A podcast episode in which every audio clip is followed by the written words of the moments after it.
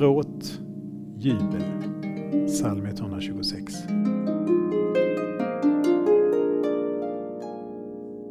Det som sår under tårar ska skörda med jubel.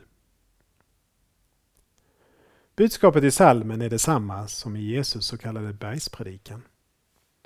Saliga de som sörjer, de ska bli tröstade. Efter sorg och tårar kommer jubel och glädje. Men det är viktigt att inte tolka detta som ett orsakssamband.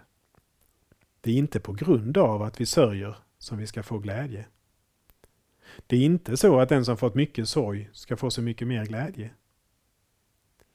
Det är däremot så att den som förtröstar på Herren kan mitt i all sorg vila vid att sorgen har ett slut.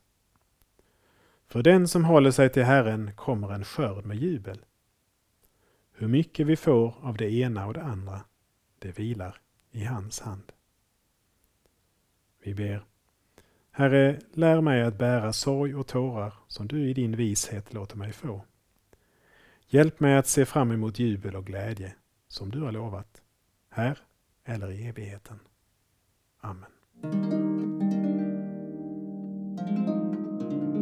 Saltarklanger med Per Runesson producerad av Norea Sverige.